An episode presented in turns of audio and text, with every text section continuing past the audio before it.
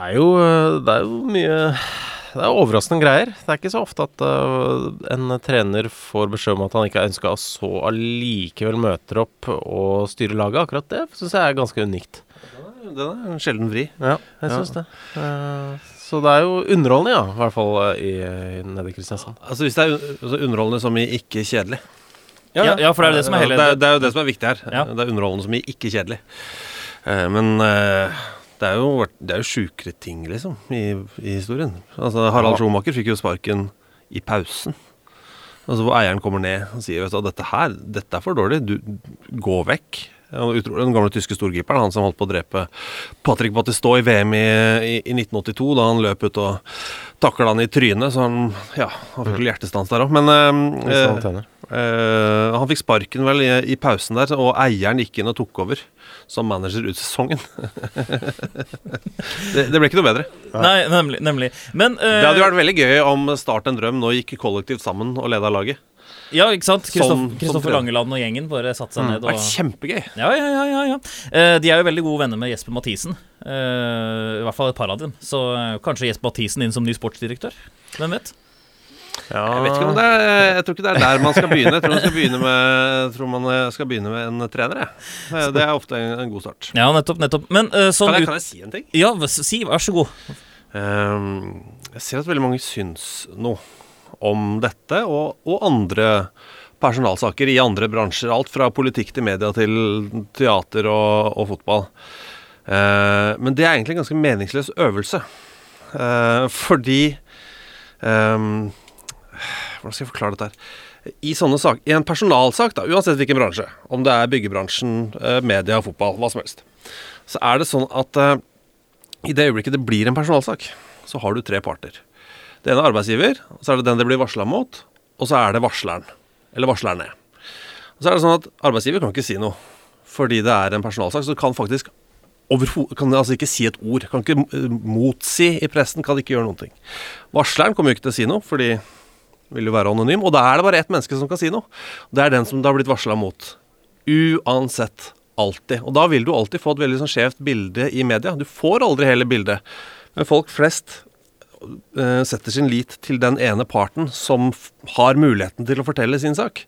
Og så vil det farge den saken egentlig også i retrospekt. De neste ti årene så vil folk fortsatt da ta den som har blitt som det er en personalsak mot, eh, sin side. Uh, selv om det kanskje har blitt motbevist, så er det sånn Ja, men. Ja, men. Ja, en, en, altså, en Og- og- og det er veldig vanskelig. seg. Ja, for det setter seg, ikke sant? Sånne nyheter. En nyhet setter seg. Altså, det er en veldig sånn risky business når jeg ser folk uttaler seg uh, ja, da F.eks. veldig pro uh, han som har en personalsak mot seg. så har de faktisk ikke De har ikke kjennskap til selve personalsaken, for at den er jo taushetsbelagt.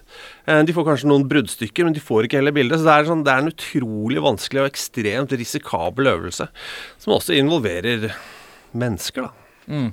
Thomas, da fikk du jobben med promojobben Ok, ja. for, for, i kveld. Det, det skal poddes i aften. Veldig. Eh, vi skal på Østsida. Klokka sju begynner det. Og vi har to veldig fine gjester. Erik Mykland.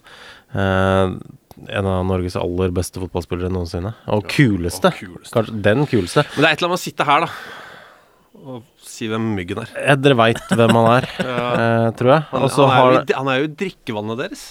Å ja. Er det s Ja, så, så viktig, ille? ja. okay. Eh, også Fredrik Strømstad. Eh, Minimyggen, eh, som han ble kalt eh, da han var liten. Da var 14. Ja, da, eh, Også veldig gøyal og artig. Ja, dere kjenner han også. Jeg husker en, Så, en situasjon med han ved en landskamp, da han scora på hodet. Da så jeg den kampen på en sportsbar her i, i byen, og da sang hele lokalet Freddy the Eagle. Freddy the Eagle, Freddy the Eagle, om igjen, om igjen, om igjen. Ja. Uh, så det, det, dette er spillere som, eh, som, eh, som sitter tett inne i brystkassa vår Mm. uh, her, her sørpå. Men sitter også, ok, Myggen sitter jo i brystkassa til hele Norge. Det er en av de veldig få fotballspillerne som absolutt alle i Norge elsker. For det kan man ikke si om Kjetil Rekdal, f.eks. Selv om han satte straffa i 98, så elsket alle ham litt igjen akkurat da. Ja, men Han er jo en, en litt sånn kontrær type. eh, Men Myggen Jeg vet ikke om en eneste klubb jeg, i Norge hvor han ville fått eh, pepper om han, uh, om han dukka opp på Altså, han er, han er, eh, han er allemannseie, da. Mm. Hvilke andre ting er det dere skal touche innom? Oh. um, nei, vi er jo glad i mye ved fotballen. Uh, vi er glad i fin, fin fotball, men vi er også glad i ganske stygg fotball. Så vi har en del uh, stygge mål uh, som vi har tenkt å vise fram. Ja, altså har vi eh, noen av de aller dårligste filmingene verden har sett. Vi må Ja. dele det med folket. Og så får vi se, da. Det er jo sånn at f.eks. Myggene har spilt i noen veldig overraskende klubber. Vi må ta praten. Vi, må, vi må grave litt. Og så blir, det, så blir det mye digresjoner. Og så er det sånn at folk i salen da eh, også vil kunne stille spørsmål eh, til hvem som helst, altså, egentlig. Om hva som helst. Alt fra fotball til hva som bør være øverst på brødskiva av ost eller skinke.